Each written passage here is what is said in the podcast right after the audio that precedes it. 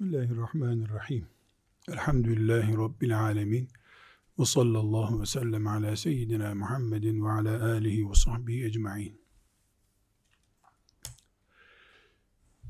Her insanın yaşayarak öğrendiği büyük bir gerçek var.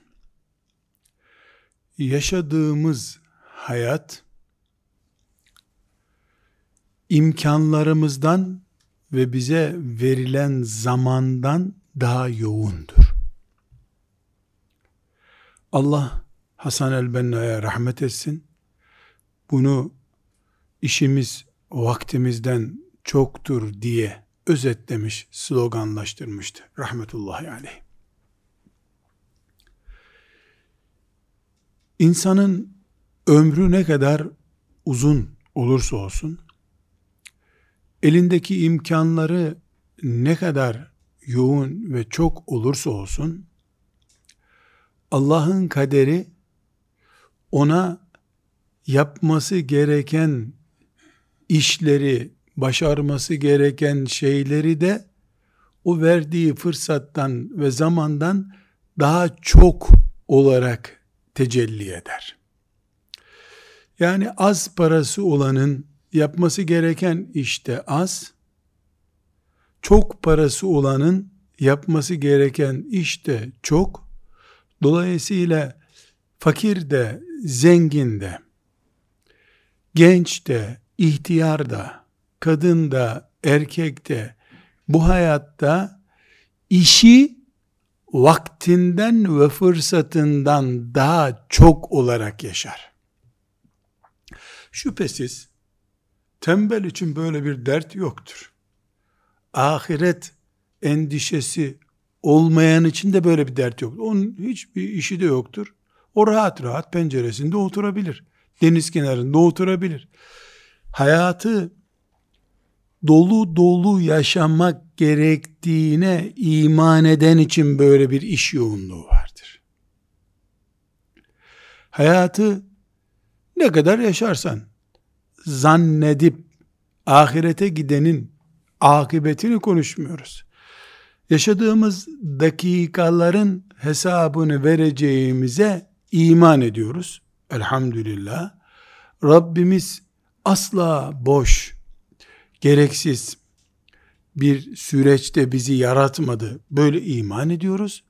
O zaman şunu da bileceğiz ki mükellef olduğumuz dakikadan son nefesimize kadar yaşadığımız hayatta yapmamız gerekenler vaktimizden daha fazladır. Fırsatlarımızdan daha fazladır. Hiçbir zaman Müslüman koltuğuna yaslanıp gökte yıldızları seyredecek bir vakit bulamaz. Eğer hayatın anlamını biliyorsa. Bu birinci gerçek. Bir gerçek daha var. Bizim iş yoğunluğumuzun bu kadar çok olduğunu Allah bize bildirdiği gibi bizim önümüze iki barikat da koydu. Birincisi bu iş yoğunluğumuzu vakit azlığımızı, fırsat kıtlığımızı, yani iş yoğun, vakit az, fırsat kıt. Bunu ezeli düşmanımız olan iblis de biliyor. İblis de biliyor. Bu birinci handikap, barikat. İkincisi, bizi yaratırken Allah Celle Celaluhu, eli kolu birbirine karışıp heyecanlanacak bir mahluk olarak yarattı. Bu da ikinci handikap.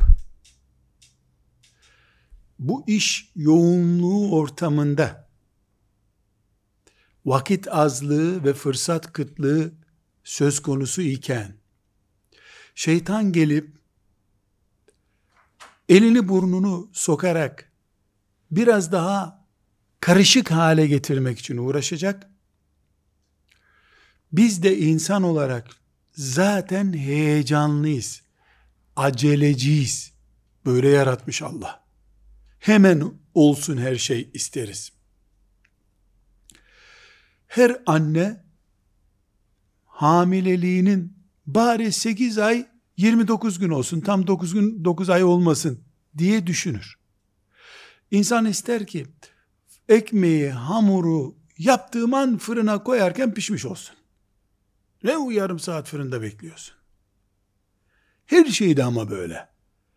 Bir haftada zengin olmak ister misin sorusuna ne cevap verir insan? Bir hafta yedi gün be ne yapıyorsun ya?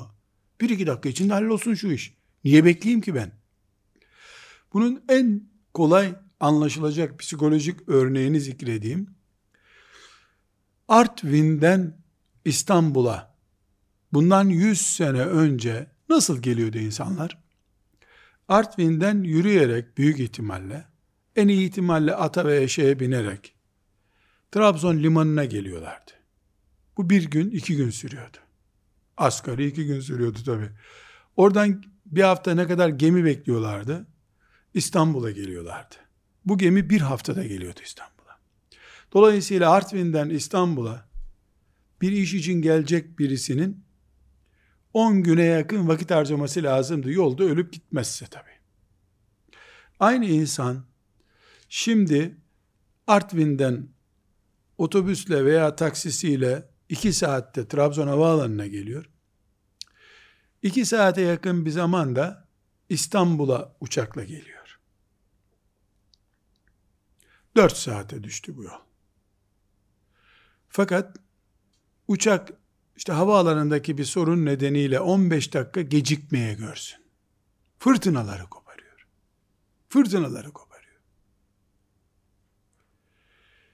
İnsanın yaratılışı böyle. Ayıplamaya gerek yok. Bu örneği hayatın her alanına taşıyabiliriz. Ala külli hal dedik ki hayat Müslümanlık olarak insanlık olarak değişmiyor bu vakitten daha çok, fırsattan daha çok işle bizi karşılıyor. Bunun karşısında da insan olarak biz iblis gibi işimize burnunu sokan bir düşmanla beraber yaşıyoruz. Ve biz aceleciyiz.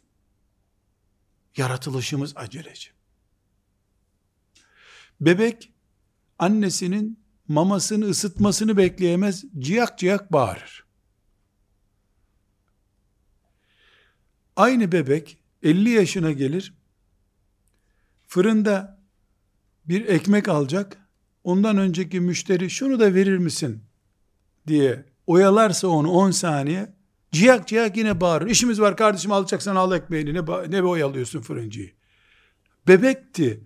Annesinin mamasını ısıtmasını bekleyemezdi. 50 yaşına geldi. Fırıncının ekmeği ısıtmasını bekleyemez. Yaratılış bu.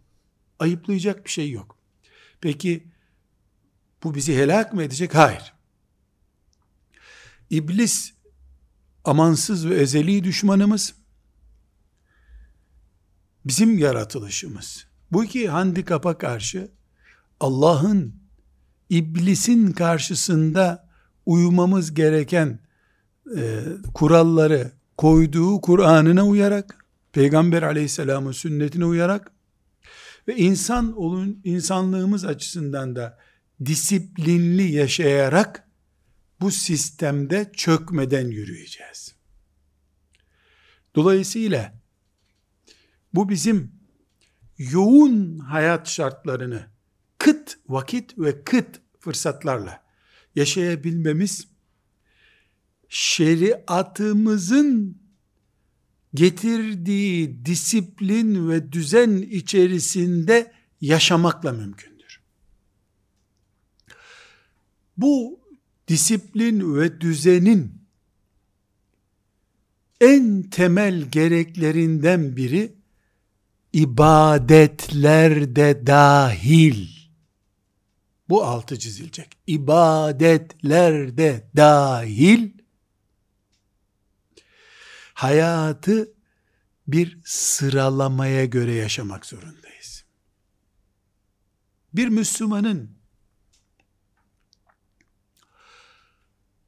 yeme ihtiyacı mı acildir su ihtiyacı mı acildir? Açtan mı önce ölüyor insan, susuzluktan mı ölüyor? Bu bir sıralama konusudur. İnsanın yeni taşındığı bir evde çamaşır dolabını mı monte etmesi öncelikli, sokağı gören perdeyi monte etmesi mi öncelikli?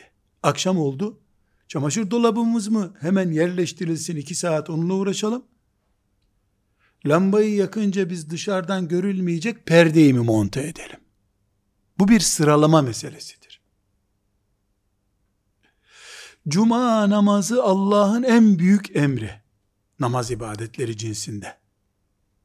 Yani neredeyse üç cuma kılmamak, dinden çıkmamak gibi o düzeyde.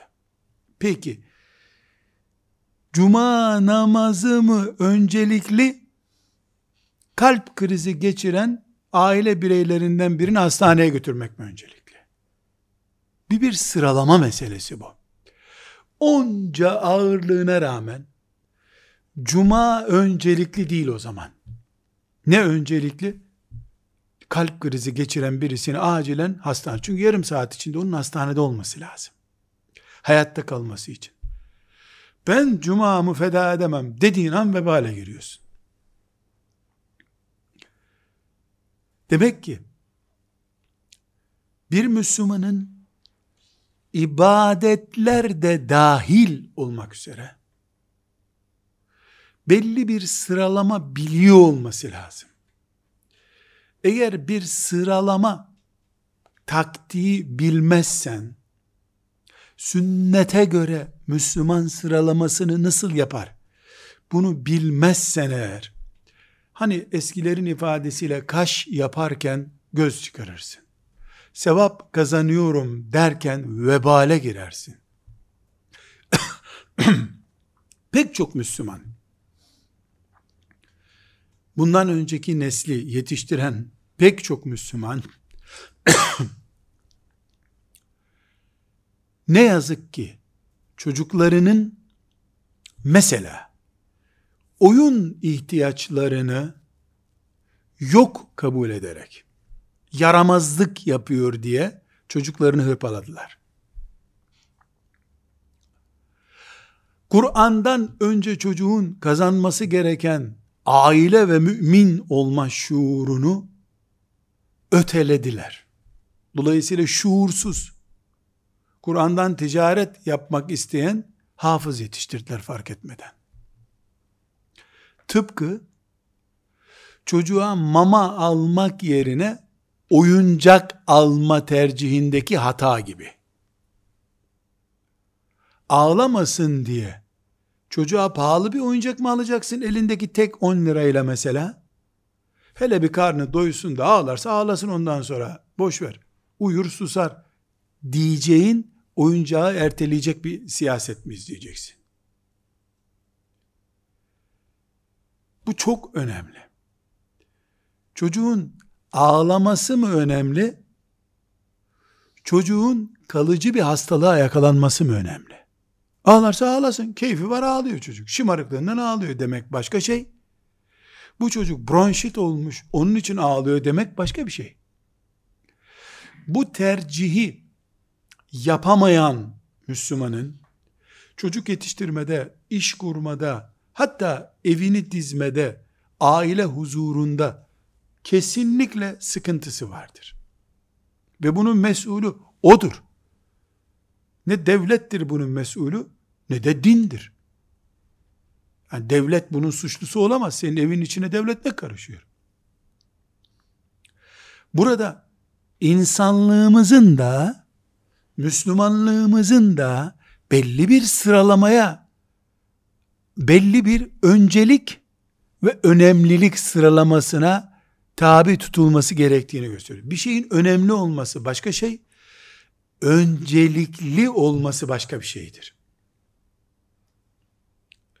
Mesela uykusu gelen bir çocuk için mama mı önceliklidir, uyku mu önceliklidir? Tabi 3-4 çocuk büyüten anne Bunu anlar. Hele bir uyusun çocuk, ben bir saat sonra onu rahat mamasını yediririm der. Uykusu gelen çocuk, yutkunmaz bile mamasını. Dolayısıyla boğarsın çocuğu yedirirken. Olabilir. Bu nedenle bizim sağlık açısından tıptan destek almamız lazım. Öncelik nedir diye. Öncelik nedir? Karın doyurmak mıdır öncelik? Yeterli gıda almak mıdır? Karbonhidratlıyı mı almam lazım önce? Başka bir gıda çeşitliliği mi almam Tıp bu konuda mihmandar olacak. Öncelikli ve önemli listesi verecek tıp. İsraf listesi de verecek. Bu israf listesinden korunacağız. Ekonomide aynı şekilde. Yani öncelik nedir? Zaten senin asgari ücretli bir aylığın var. Bu çocuklarının işte okula gidecekler. Yeni bir elbiseleri yok. Yırtık pırtık okula göndereceksin. Ama sen evinde mobille değişikliği yapıyorsun bu dönemde. Zaten kıt imkanını çocuklarının belki de hırsız olmalarına sebep olacak bir ihmalini yapıyorsun sen. Çünkü bu çocuk 500 bin tane arkadaşının yanında mahcubiyet hissedecek. Kalem almadın bu çocuğa sen. Bir kalem tıraşı almadın. Okul çantası almadın. O da arkadaşının kalemini çalacak. Çalmak isteyecek. Bahanesini bulacak. Neticede de yarın bir gün banka soyarken o kalemi aldığı gün o hırsızlık başlamıştı. Onu da sen evde komşular ne der diye merak edip aldığın mobilya yüzünden o çocuğa kalem alamamıştın. Ekonomik tercih hataları. Senin evet asgari ücretin var. Dedik ki hayatta işler fırsatlardan daha çoktur. Evet mobilya da bir ihtiyaçtır. Doğru. Çocuk da bir ihtiyaçtır. Doğru. Sen işe gidiş araba paranı da çocuğa harçlık olarak verdin. Bugün de işe gitmedin araba parası yok diye. Taktik hatası. Çocuğu boğdun sen aslında. Harçlığını iki gün geç verebilirdin. Sen işe gidecek araba parasını çocuğa vermezdin. E çok rica etti çocuk. Ha sen duygusal yaşıyorsun. Ekonomi duygusallık kabul etmiyor. Tıpta böyle, sağlık açısından. Ekonomide böyle, siyasette de böyle. İdarecilikte de böyle. Ev idaresi de bir siyasettir. Onda da böyle. Tercihin neyin üzerine kurulmalıdır? Yani e, annesine, babasına çok sıkı bağlı bir eşi sen o eşe ayakkabı alarak mı öncelikli olarak samimiyetine inandırırsın? Annesine, babasına ziyarete gidip saygı göstererek mi? Tercih meselesi bunlar. Bunu sen bir gün anlayacaksın. Annesine gerekli hürmeti yapmadığını gördüğü için aldığın ayakkabıların hiçbirini giymediğini anlayacaksın. İş işe yaramayacak. O zaman hiçbir iş olmayacak ama. İş işten geçmiş olacak. Bunun için bu hayatı ekonomide, tıpta, aile düzeninde bizden önce yaşayanların birikimlerinden istifade ederiz ki biz bu hayatta zarar görmeden devam edelim. Aynı şey ibadetler ve dinde de geçerli. Sünnet bunun biraz sonra zikredeceğim. Pek çok örneğiyle doludur. Resulullah sallallahu aleyhi ve sellemin hayatını inceliyoruz. Bakıyoruz ki büyük bir tertip ve düzen var hayatında. Bir öncelikliler konusu var. Bir önemliler sıralaması var. Bir de keyfi olanlar var keyfi olanları üçüncü sıraya atmış. Önemli konuları ikinci sıraya koymuş. Öncelikli dediği şeyleri ilk sıraya koymuş. Bu ibadetlerde de böyle. Sosyal hayatta da böyle. A- aile hayatında da sallallahu aleyhi ve sellemin böyle. Tekrar toparlıyorum. Siyasetten, ticaretten, sağlıktan, aileden, hatta ibadetlerden, nereden yakalarsak yakalayalım, bu hayat, elimizdeki fırsatlardan ve kullandığımız vaktimizden çok daha fazla yoğundur. Tembeller için hariç. Ahireti olmayanlar için hariç. Ahirete inandığını zannedip dünyaya tapınanlar için de hariç. Onlar için böyle bir sorun yoktur. Her şey dümdüz gider onlar için. Devlet onların bütün açıklarını kapatır zaten. O ayrı. Ama bu hayatı Allah'ın yüklediği bir emanet olarak gören herkes için geçerli bu kural. Bu öncelikli olarak bizim şeriatımızın hükümlerini bilmemizi gerektiriyor. Farz nedir? Vacip nedir? Nafile nedir? Farz ne? Vacip ne? Nafile ne? Farzlar vacip değil. Niye vacip denmiş durup dururken buna? Bunu da peygamber yaptı, bunu da peygamber yaptı. Buna niye nafile sünnet denmiş de buna farz denmiş? Çünkü farz öncelikli demektir. Nafile, sünnet önemli demektir. Hepsi sevap kaynağı ama birinin hesabı soruluyor, öbürünün sorulmuyor. Dolayısıyla farz nedir, vacip nedir bilmek gerekiyor. Haram nedir, mekruh nedir bilmek gerekiyor. Allah'ın emriyle İmam-ı Azam'ın iştihadı arasındaki farkı da bilmen gerekiyor. Peygamber Efendimizin buna iman edeceksin dediği şeyle İmam Maturidi'nin bu dinimizdendir dediği şey arasındaki farkı bilmek gerekiyor. Peygamber aleyhisselam ile İmam Maturidi'yi aynı tutarsan sen, sen bu hayatı yaşayamazsın. Kendi kendine tuzak kurar durursun. Allah muhafaza buyursun. Halbuki o da önemli ama öncelikli değil belki. Dolayısıyla bu dinin ana esaslarını bilmek başka şey, dini bütün olarak önemli zannetmek başka bir şey. Mesela meleklere iman etmek diye bir şartımız var bizim. Biz meleklere imanı bu dinin esası olarak biliyoruz. Ama cennetteki görevli meleğin adı Rıdvan mıdır? İrfan mıdır? Vallahi hiç önemli bir şey değil. Yani bilsen iyi bir şey.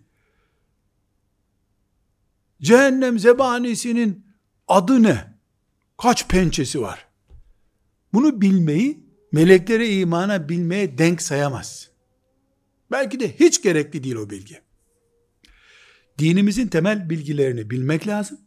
İki, yaşadığın hayatın çetrefilliğini, karmaşıklığını sana getirdiği problemleri de tanıman lazım. Basit bir faiz düşmanlığı yetmiyor. Faiz haramdır bunu biliyorsun.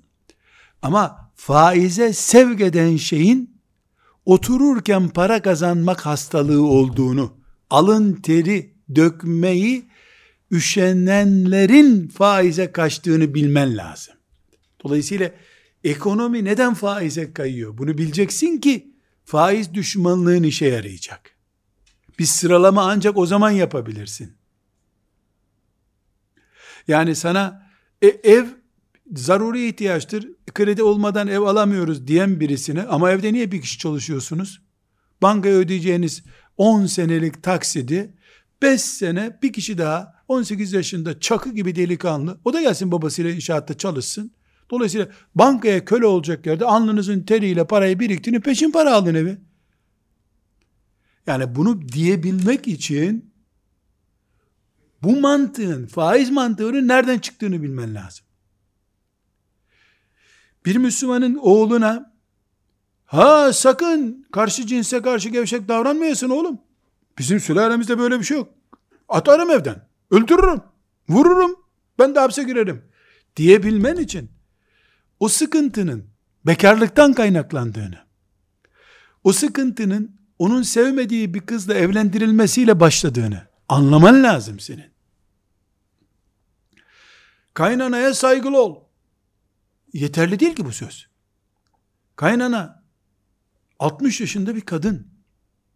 60 senenin 40 senesini hükmetmiş bir mutfağa.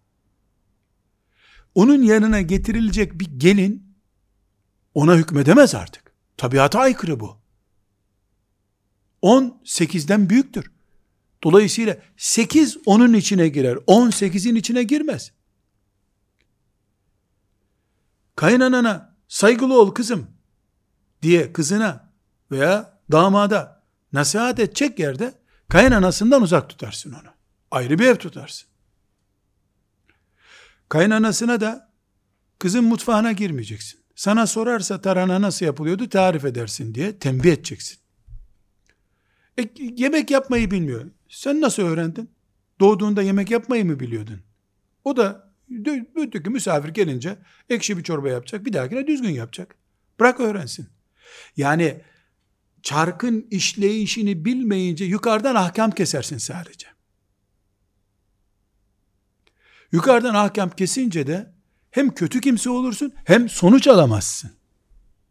Evlat kaybedersin. Bu kaynana örneğinde mesela. Yuva dağıtırsın. Bu kız güzeldir. Bu çocuk yakışıklıdır. Sen niye diyorsun? Sen mi evleniyorsun? Sen mi evleniyorsun? Sevsin alsın. Sen adres göster. Beğenmese geri gelsin. Böylece biz olayların künhünü yakaladığımızda ekonomiden, siyasetten, sağlıktan kendimizi rahata almış oluruz ve az fırsatla çok iş becerme imkanımız olmuş olur. Allah'ın izniyle. Her şeyde böyle bu. Dinde de böyle, sağlıkta da böyle. Mesela çok basit bir örnek.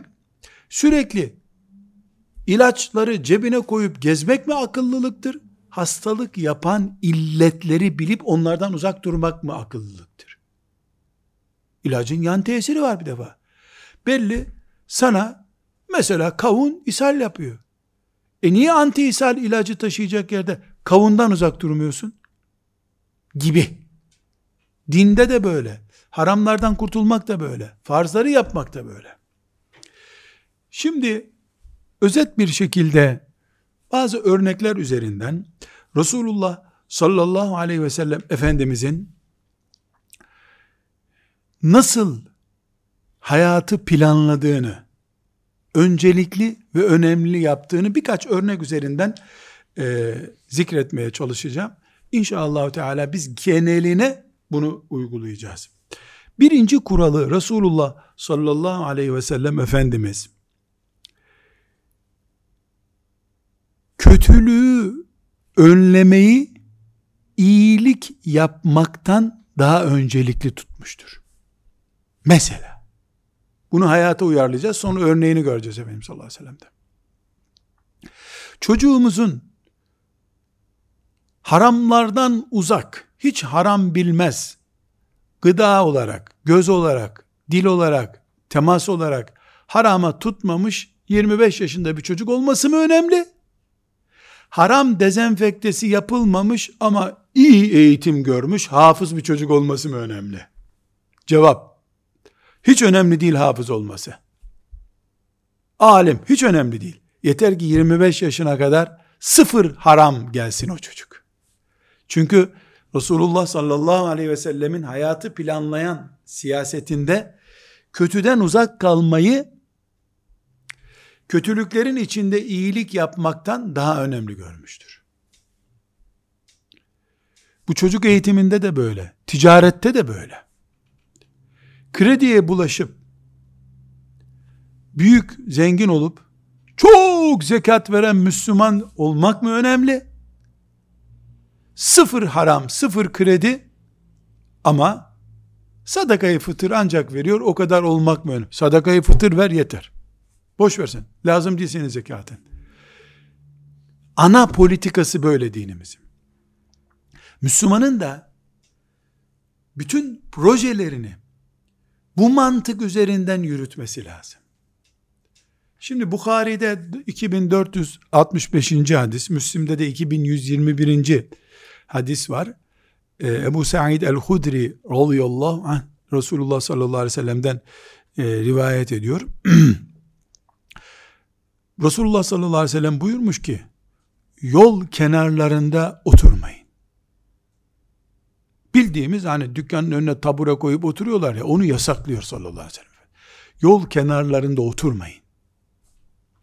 Ne yazık ki doğu kültürümüzde bizim yani 500 metre evi olsa adamın küçük bir iskemi alıp tahta tabure bir şey alıp o dükkanın önünde oturacaklar. Zevk orada. Sarayı olsa gelip o yolda oturacak. Oradaki muhabbetin zevki başka. Neden? Dedi ki ezeli düşmanımızın bizi yönlendirmesi de var bu işte. Ya senin saray gibi evin var. Ne işin var bu yol kenarında? Toz, toprak. Gelen geçen rahatsız oluyor. Sünnete aykırı bu. Yol kenarlarında oturmayın. Sahabe, Allah onlardan razı olsun. Demişler ki, Ya Resulallah, böyle buyurdunuz ama, yani mecbur birisini bekliyor olmamız lazım. Biraz orada birisine bir şey söylüyor olmamız lazım. Yani tamam tabure koyup oturmayalım. Ama yani yolda sadece yürüyüp gitmenin mümkün olmadı. Orada birisine bir şey söyleyeceksin. Hayvanına yükünü bindireceksin. İşte şimdiki ifadeyle e, arabanı işte arabadaki eşyayı indireceksin. Yani bir iki dakika beklemek gerekiyor. Bu zorunluluk var. Buyurunca o zaman buyurmuş ki sallallahu aleyhi ve sellem madem illa zorunluluk var dediniz o zaman hakkını verin yolun. Ya Resulallah yolun hakkı da ne ki? Buyurmuş ki gözünüzü sakınacaksınız. Kimseye eziyet vermeyeceksiniz. Her selam verene aleyküm selam diyeceksiniz. Gördüğünüz her kötülüğe engel olacaksınız. Pahalı bir park oldu bu. Çok pahalı oldu. Şimdi ne yapıyor sallallahu aleyhi ve sellem Efendimiz? Tehlikeyi önlemek için bir defa yollarda oturmayı yasaklıyor. Sıkışırız, mecbur kalırız deyince de standart getiriyor. Bu standartlarla burada durabilirsiniz diyor. Ben gözümü kollayamıyorum. Yolda o zaman park etmeyeceksin. Yolda beklemeyeceksin. Çocuk orada yanlış bir iş yaptı. Yavrum yapma böyle diyemiyorum. Diyemem. Filancanın çocuğu. Yolda durmayacaksın. Aksi takdirde senin yolda durman bu yol hakkı denen noktalarda şeytana alet olman demektir. Bu seni berbat eder. Sallallahu aleyhi ve sellem Efendimiz bu şekilde uyarmış oldu. Peki, birinci kuralı sallallahu aleyhi ve sellem Efendimizin e, dedik ki kötülüklerden uzak dur, iyiliği sonra yap. Birinci politika. İkinci bunun bir yan kolu var. Muhakkak zıtlıklardan bir zıtlığın içinde olacağım. Hiçbir çaresi yok. Basit bir örnek. Ya çocuğu ameliyat edip sakat bırakacağız ya da çocuk ameliyat olmadığı için sakat olacak. Yani ameliyatlılık bir defoluluk. Arıza. Mesela işte diyelim ki çocuğun dalağını almamız gerekiyor. Ya da dalağı patladığı için çocuğun kanı karışacak bilmem ne olacak hasta yaşayacak. Hangisini yapacağız? Ha, böyle bir pozisyonla da karşılaşabilir Müslüman. O zaman ne yapar? Bilir kişiden yani uzmanından hangisinin daha az zararlı olduğunu ölçer. Böylece zararlıyı yapar ama daha büyük zararlıdan korunmuş olur. Bunun müthiş bir örneği var. Hadisi şeriflerde. Bukhari'de 220. hadisi şeriftir. Hepimiz bunu yani defalarca duymuşuzdur. Adamın biri geliyor sallallahu aleyhi ve sellem mescitteyken ashab-ı kiram oradayken idrarını yapıyor orada. O kadar sahabinin gözü önünde. Bu mescide hakaret. Peygamber sallallahu aleyhi ve selleme karşı bir saygısızlık. Ashab-ı kiram orada, insanlar orada, insanlara karşı edepsizlik. Bu adam dayağı hak etmiyor da neyi hak ediyor? Ashab-ı kiram ona kalkıp şöyle bir güzel e, ders vermeye kalktıklarında hepimizin bildiği gibi Efendimiz sallallahu aleyhi ve sellem e, engelliyor bunu. Yapmayın buyuruyor. Yapmayın. Neden? Çünkü bu adam orada güzel bir dayak yerse son mescide girişi olacak onun. Son mescide girişi olacak. Adam bedevi. Ahlak yok, kültür yok. Dağdan gelmiş. Mescitte ne yapılacağını bilmiyor. Zayiatımız ya o adam olacak ya da mescidin kirlenmesine katlanacağız. Mescit kirlenirse Peygamber sallallahu aleyhi ve sellem bir kova su getirin temizleyin bunu dedi. Temizlendi mescit. Adamı kaybedersek gidiş o gidiş ama bir daha geri gelmeyecek adam. İki zararımız var. Ya mescidin kirliliğine katlanacağız. Bize yaptığı saygısızlığı bağrımıza basacağız. Ya da adamı kaybedeceğiz. Tercih nereden yana oldu sallallahu aleyhi ve sellem Efendimizin? Kesinlikle adamı kaybetmek istemedi. Bırakın adamı buyurdu. Hatta çok enteresan yani adam idrarını yaptığı için dövmeyin adamından çok bırakın yaparsa yapsın adam. Yani idrarını bitirsine getirtti Efendimiz sallallahu aleyhi ve sellem. Burasını dikkatten kaçırıyoruz. Yani bırakın boşaltsın adam idrarını. Bu hepimiz için çok önemli bir ders. Çocuğu olanlar için çok önemli bir ders. Nice babalar iki gün sabretseydi 30 yaşındaki çocuğu evliyadan biri olacaktı belki. İşte Ramazan'da kaçak oruç yediğini gördüğü için çocuğun bayram harçlığını kıstı bilmem ne yaptı ne yaptı ne yaptı ne yaptı vesaire çocuğu kaybetti. O günkü hıncını aldı ama. Bu hadisi şerif hep camiye işeme hadisi olarak görüyorsak yanılıyoruz. Sadece işeme değil bu mesele. Müslüman kurtarmak, insan kurtarmak meselesi. Ne yapıyor Peygamber sallallahu aleyhi ve sellem Efendimiz? İki olumsuzluktan bir tanesini tercih ediyor. Çünkü çare yok. Ya adam kaybedilecek ya mescit. İkisinden biri olacak orada. Olayı olmamış kabul edemiyorsun. Hayat binlerce kere bu benzeri olaylarla bizimle karşılaşmıştır. Ya da biz hayatta böyle karşılaşmışızdır daha doğru ifadeyle. Kesinlikle her insanın evinde, iş yerinde bu tip olaylar vardır. Ama ne hikmettir ki dedik ki ez, ezeli düşmanımız o anda gözü kör ediyor. Biriyle istişare edemiyorsun bu kararı akşam vereyim dedirttirmiyor sana anında olayın üstüne gidiyorsun. O zararı bir de kendin zarar ederek ikiye katlamış oluyorsun. Ne yazık ki. Ne yazık ki böyle. Ama inşallah bu hadisi şerifleri e, içimize sindirdikten sonra böyle bir politika, hayatı böyle yaşama anlayışı geliştireceğiz inşallah. Bir başka örnek daha Bukhari'de 7243. hadis-i şerif, Müslim'de de 1333. hadisi şeriftir. Ee, Ayşe anamızla ilgili bir hatıra bu. Efendimiz sallallahu aleyhi ve sellem bir gün Ayşe annemize Mekke fethedildikten sonra daha önce Mekke işgal altındaydı. Müşriklerin işgali altındaydı. Kabe putlarla doluydu. Şimdi Kabe böyle kare gibi duruyor. Hepimiz resimlerini biliyoruz. Kare gibi duruyor. Az tam kare değil ama kare gibi duruyor. O karenin bir tarafında da yarım ay şeklinde bir daire var. Duvarla çevrili. Kabe aslında o duvar gibi çevrili olan yerin de bulunduğu bir dikdörtgenmiş. Dört köşe değilmiş Kabe.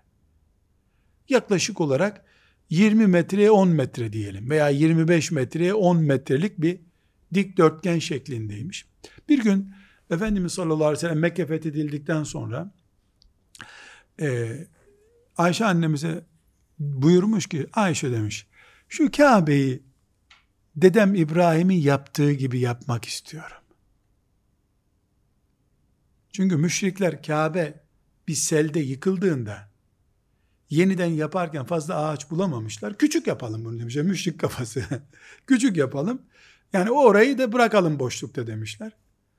Ee, bunda da bir hikmet var tabi. Orada namaz kılmak çok faziletli şimdi o boşluğun içerisinde. Yani cennet yeri gibi bir yer orası.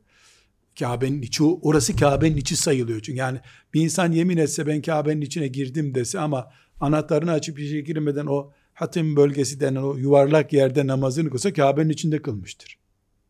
Yani elhamdülillah. Şimdi e, bu noktada Ayşe annemize bunu içimden böyle yapmak geçiyor buyurunca Ayşe anamız demiş ki ya Resulallah bütün Müslümanlar emrinde senin. Ne güzel işte. Söyle dünyanın öbür ucundan ağaç getirsinler Kabe'yi yapsınlar. Demiş Ayşe annemiz. Fakat çok önemli. Buyurmuş ki Ayşe demiş. Öyle diyorsun ama bu insanlar daha yeni Müslüman oldular. Şimdi ben Kabe'ye balloz vurup yıksam Kabe'yi yenisini yapmak için ilk diyecekleri şey nedir? Muhammed'e bak. Gücü ele geçirince Kabe'yi bile yıktı. Demek ki bu kendisi için çalışıyordu. Derler. Bunu dedirtmeyeyim buyurmuş. Sallallahu aleyhi ve sellem. Sallallahu aleyhi ve sellem. Hayatı yönlendiren temel taşlar bunlar işte. Ya ne derse desin insanlar diyemiyorsun. Dedikleri şey dine mal oluyor, hayata mal oluyor. Bir kayınpeder kaynana ziyaretinde de bu kurallar önemli. Akraba ziyaretinde önemli. Yani mesela çok basit bir örnek vereyim. Birisi bir tarla aldı bir yerden. Sen de gidip yanı başındaki tarlayı satın aldın mı? Eğer ya geldi burada da bizi bunaltıyor denecekse iyi bil ki 10 sene sonra siz bir daha selamlaşmayacaksınız. Ya git istişare et burada ben de tarla alsam rahatsız olur musunuz de. Ya da alma ya git öbür köyden al. Ya ne zararı var parayla aldım. Ben onun çit gerdim zaten ona bir zarar mı? Ya şeytanıcım bunlar hiç önemli değil. Sen yeter ki oradan al varsayı. Resulullah sallallahu aleyhi ve sellemin sünnetine göre yaşamak sadece sakal bırakmak değildir. Al sana işte mükemmel bir sünnet.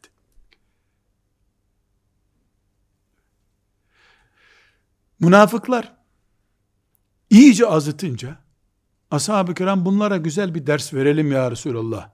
Haddini alsın bunlar deyince ki yüz kere hak etmişlerdi bunu. Efendimiz sallallahu aleyhi ve sellem hakaret ettiler.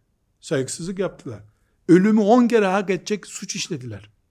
Ne buyurmuş? Ya olmaz. Güçlenince Muhammed adamlarını bile öldürdü derler sonra diyor. Sallallahu aleyhi ve sellem. Ya demek ki vicdanen haklı olman, yasaya göre haklı olman yeterli olmuyor. Yeterli olmuyor. Toplumun e, ne yorum yapacağına da dikkat etmek lazım. Evet. Burada kuralların tamamını zikretmeyeceğiz ama hadisi şeriflerden yola çıkarak örnekler zikrediyoruz. Mesela Resulullah sallallahu aleyhi ve sellemin sünnetinde görüyoruz. Resulullah sallallahu aleyhi ve sellem en önemliyi alıyor. Önemliyi sonraya bırakıyor. Mesela tevhid. Kelime-i tevhid.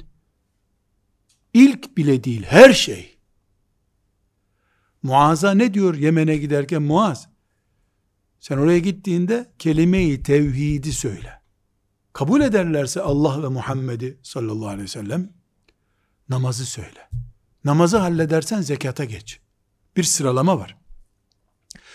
Namazla oruç aynı değil. 30 Ramazan orucu bir sabah namazı etmiyor. Ama bir oruç cennetin bütünü ediyor. Ayrı bir mesele.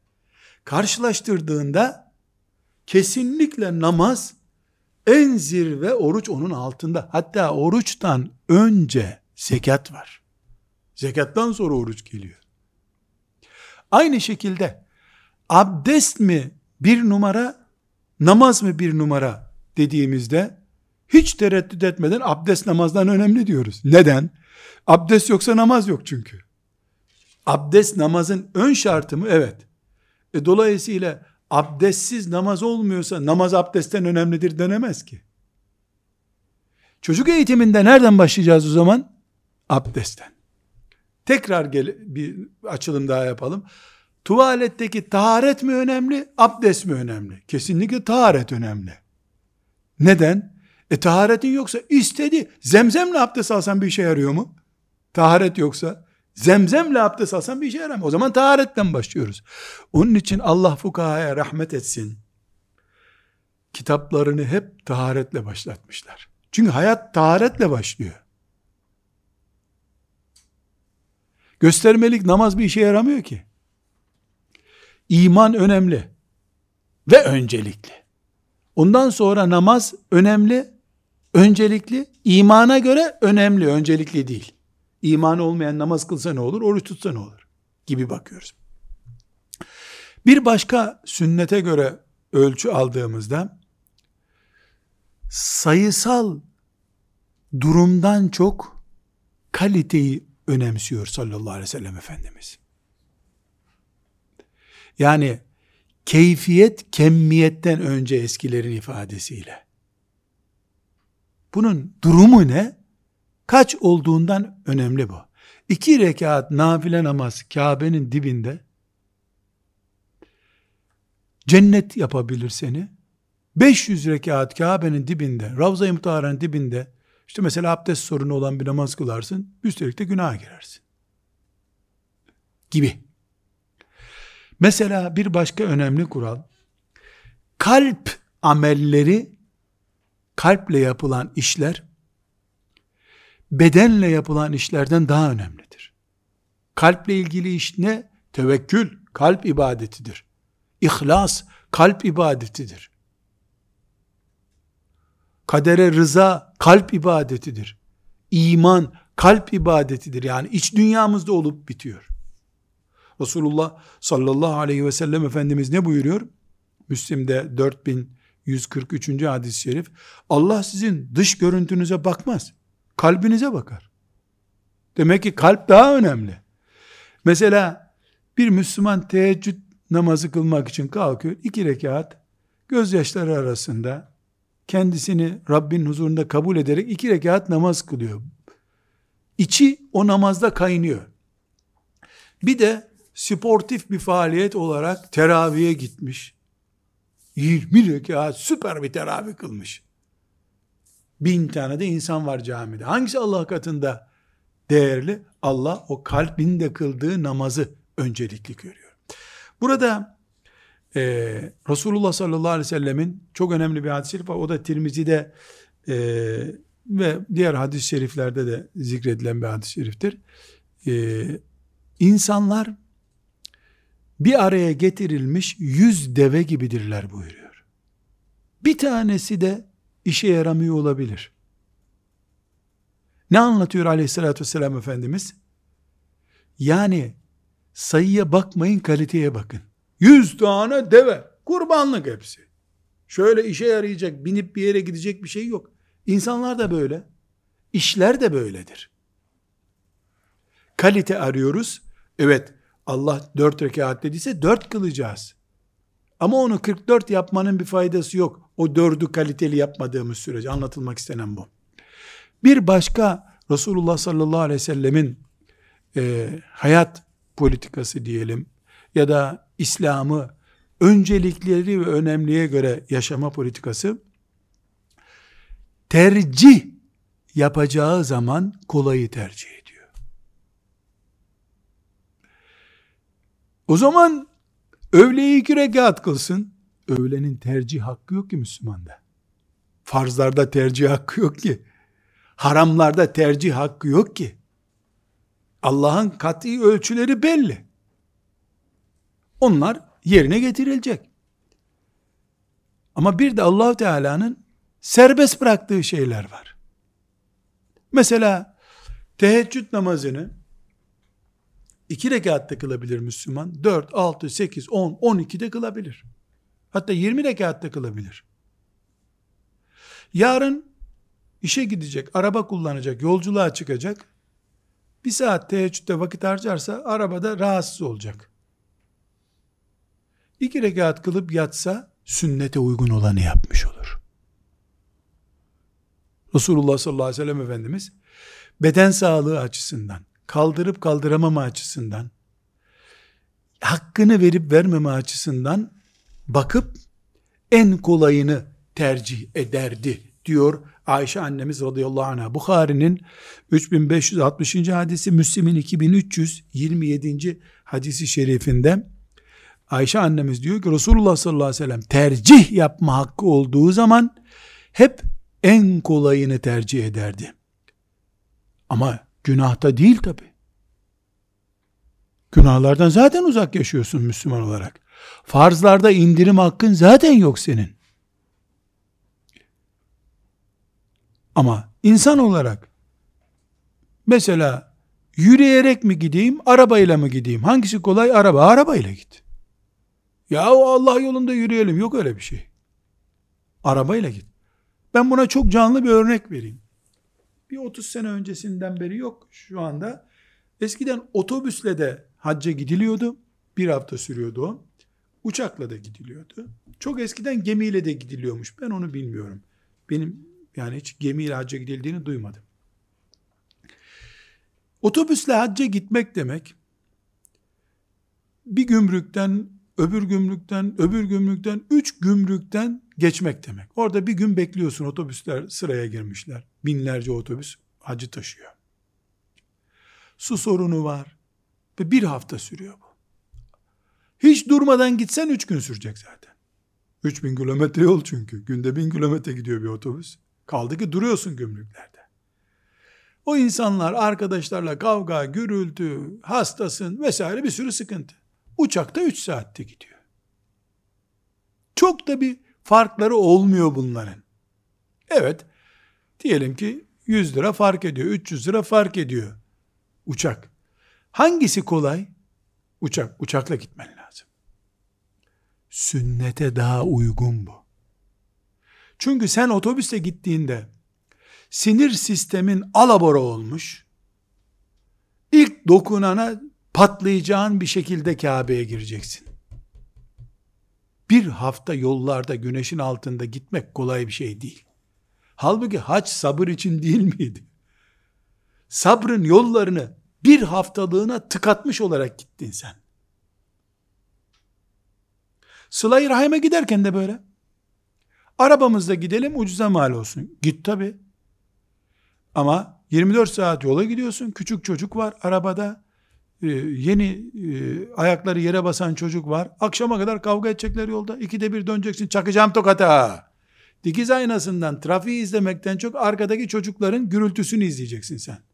Talimat vereceksin. Lan çarptıracaksınız arabayı durun diyeceksin. Neden bunu yapasın ki? E çok paramız yok. Bu sene gitmem seneye giderim uçakla giderim. Yani hayatın her alanında geçerli bu. En yaygın ve en kolay anlaşılır örnek olduğu için araç ve uçak nimetini değerlendirdik. Resulullah sallallahu aleyhi ve sellem kolay olanı tercih ederdi. Bu onun insanlarla ilişkilerinde de vardı. Mesela nasihat ederek geçiştirilecekse ceza verme yerine nasihati tercih ediyor. Sadece küstüğünü, alındığını, canının sıkıldığını hissettirecekse söz söylemiyor bu sefer. Kolay olanı, hazmedilecek olanı tercih ediyordu. Sallallahu aleyhi ve sellem Efendimiz. Kardeşlerim, bu hadis-i şeriflerin toplamından ne anladık? Hayat, bizim boğuşabileceğimiz kadar kolay bir hayat değildir. Zengin, fakir, yaşlı, ihtiyar, herkes için geçerli bu. İki, ezeli düşmanımız iblis ve bizim yaratılışımız, aceleciliğimiz, zafiyetimiz bu karmaşıklığı daha da derinleştiriyor. Bu nedenle dinimiz bir planlama ile yaşamamızı emrediyor bize. Resulullah sallallahu aleyhi ve sellemin sünneti de bu örneklerle doludur. İnşallah Teala biz bu şekilde bir Müslümanlık ve bu şekilde bir sağlık, bu şekilde bir ekonomi, bu şekilde bir sosyal ilişki, bu şekilde bir ticaret yaşayarak Rabbimizin rızasına daha yakın oluruz diye umuyoruz. Ve sallallahu aleyhi ve sellem ala seyyidina Muhammed ve ala alihi ve sahbihi ecma'in velhamdülillahi rabbil alemin.